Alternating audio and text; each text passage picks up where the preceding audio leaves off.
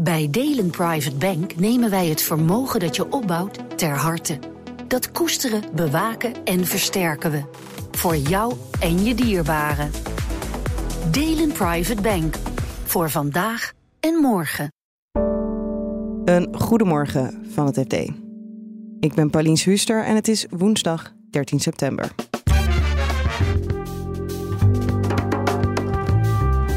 Een nieuwe EU-richtlijn kan gaan zorgen voor een golf aan klimaatzaken. Doordat je als bedrijf zoveel over jezelf vertelt, ben je ook heel erg kwetsbaar voor klimaatzaken en massaclaims. En na bijna tien jaar is het faillissement van OAT nog steeds springlevend. Dat deed de reiswereld eh, schudden op zijn grondvesten eigenlijk, dat faillissement. Dit is de dagkoers van het FD. Er komt een golf aan klimaatclaims aan, voorspellen advocaten. Want vanaf volgend jaar moeten bedrijven van de EU meer openheid geven over hun ESG-beleid. Klimaatredacteur Orla McDonald vertelt je of die vrees terecht is.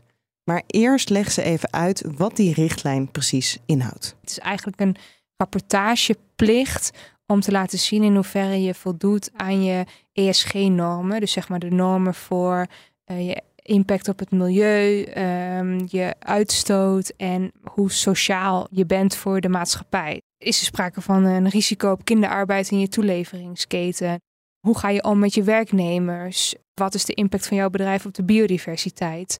Best wel een groot scala aan details over je bedrijf die je moet rapporteren over dat soort zaken. En die rapporteer je dan in het jaarverslag? Of? Ja, bijvoorbeeld. Of je kan een duurzaamheidsverslag maken. Maar het is wel best wel een strikte standaard waar bedrijven dan aan, aan moeten voldoen. Dus ze moeten echt op een bepaalde manier daarover rapporteren. Nu is het namelijk zo dat heel veel bedrijven dat op hun eigen manier doen.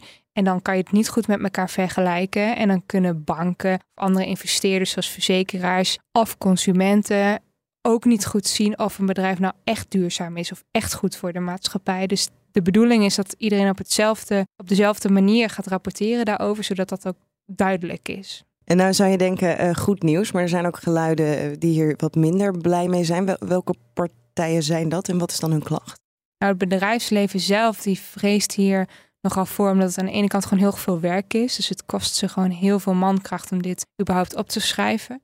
En je ziet toch ook wel een aantal advocatenkantoren dat nu zegt, ja, maar doordat je als bedrijf zoveel over jezelf vertelt, ben je ook heel erg kwetsbaar voor klimaatzaken en massaclaims. En dat is een trend, dat soort zaken zijn een trend die we nu ook al zien toenemen zonder dat deze rapportageplicht er is. Het aantal klimaatzaken is in vijf jaar tijd echt meer dan verdubbeld. En dan heb je het over bijvoorbeeld de zaak van Milieudefensie tegen Shell, waardoor Shell nu sneller moet verduurzamen.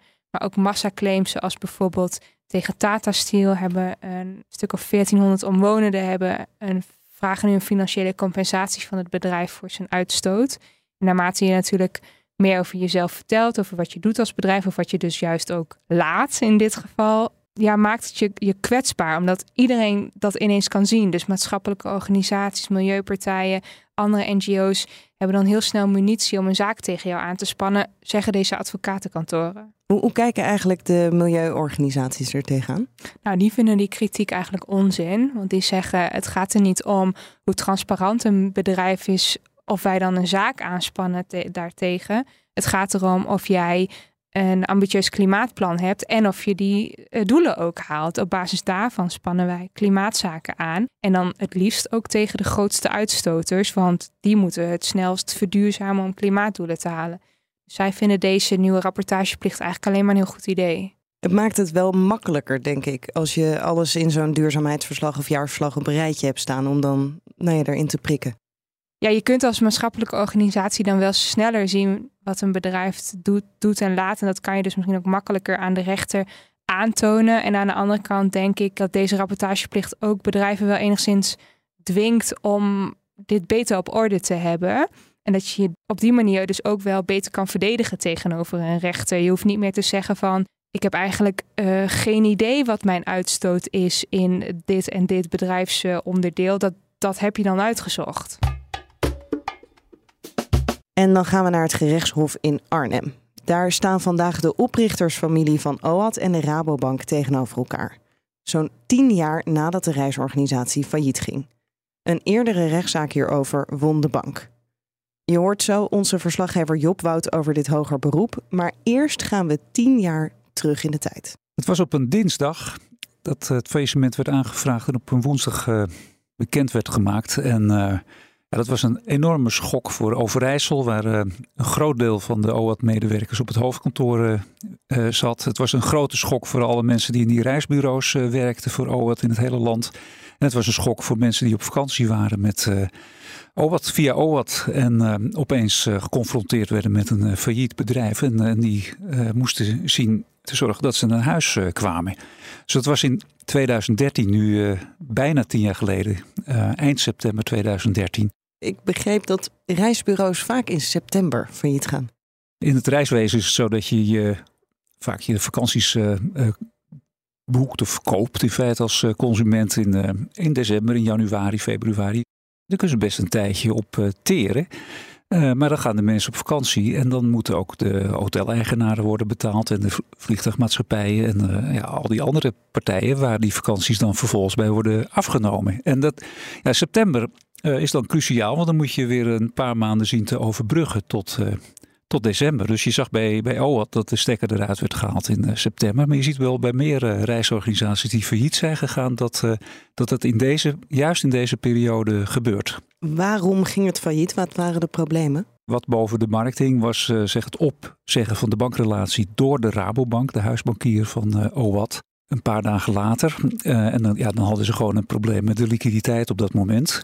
Ehm, en toen uh, hebben zij, uh, dus directie en, en, commissaris hebben besloten dat, om zelf het faillissement aan te vragen.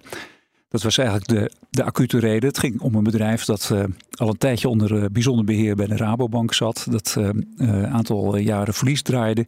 En waar het perspectief op snelle verbetering niet echt aanwezig was. En waarvoor gold dat de Rabobank een, een eis tot kapitaalversterking had uh, verordoneerd uh, van aanvankelijk 10 miljoen euro. En dat werd later teruggebracht tot 7 eh, miljoen. En het bedrijf ehm, en de grote aandeelhouder, of de aandeelhouder, de familie Ter Haar, ehm, die slaagde er niet in om dat bedrag van 7 miljoen op tafel te leggen tijdig. En als we kijken naar de rol van de Rabobank, wat is dan het verwijt?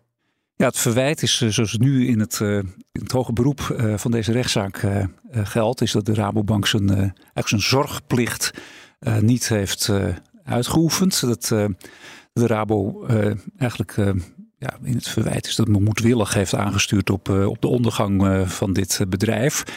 en daarbij zelf zijn eigen zekerheden toch heel betrekkelijk goed had veiliggesteld. zelf hebben ze daar geen verlies op geleden. En wat hopen ze nu te krijgen uiteindelijk? Stel dat ze het hoger beroep winnen. Ja, de, uh, het gaat ten eerste aandacht natuurlijk om uh, de vraag: uh, is de Rabo schuldig aan het faillissement of niet? Gaat de, het Hof, het gerechtshof, mee in de redenering van, van de familie Ter Haar en de curatoren? Of ja, bevestigt het Hof de uitspraak van de rechtbank van Midden-Nederland? En uh, ja, daarmee uh, zou dan de zaak helemaal ten einde zijn. Maar als de Rabo uh, zich schuldig wordt bevonden, ja, dan opent dat de weg vrij voor een schadestaatprocedure of misschien een schikking uiteindelijk of een betaling van de Rabobank. Dat zien we dan wel weer. En hebben we een idee aan hoeveel geld ze denken? Op dit moment uh, uh, hoor je voortdurend een bedrag van 70 miljoen dat de familie als schade ziet voor, die, die, ze heeft opgelopen voor dit faillissement. Maar ook dan, als je zo'n procedure start, dat moet allemaal weer worden bewezen van wat, wat is nou de, precies de schade. Wat, ja, dat ging natuurlijk om een bedrijf dat, dat geen winst maakte. Ja, wat, wat is dat nou allemaal waard? Enzovoort, enzovoort. Dus dat, de vaststelling van zo'n schade mocht, mocht dus het hoog, hoge beroep winnen. De vaststelling daarvan is ook nog geen sinecure. Nee, en dan moet je het ook nog verdelen natuurlijk. Ja, uh, het is zo dat omdat ze samen oplopen, uh, de curatoren uh, hebben een verdeelsleutel afgesproken met uh, de familie Ter Haar. Alleen dat blijft ja, voor ons als buitenstaanders toch in nevelen gehuld waar, waar die sleutel nou precies op is uitgekomen. En hoe gaat dit nu verder? Woensdag is er dus een zitting en dan dan uh, wordt er vonnis gewezen door, uh, door het gerechtshof. Ja. ja. Dus dat wordt heel spannend weer. En uh, nou ja, bij de, het, het eerste Uh, of het laatste vonnis dan bij de rechtbank Midden-Nederland. Uh, dat, uh, ja, dat liet, de, die, rechtbank liet er eigenlijk geen gras over groeien. Die, die vond zeg, de, de aantijgingen niet bewezen. Die zag geen grond, onvoldoende grond voor een, voor een vonnis waarin de familie ter haar dan tegemoet werd getreden.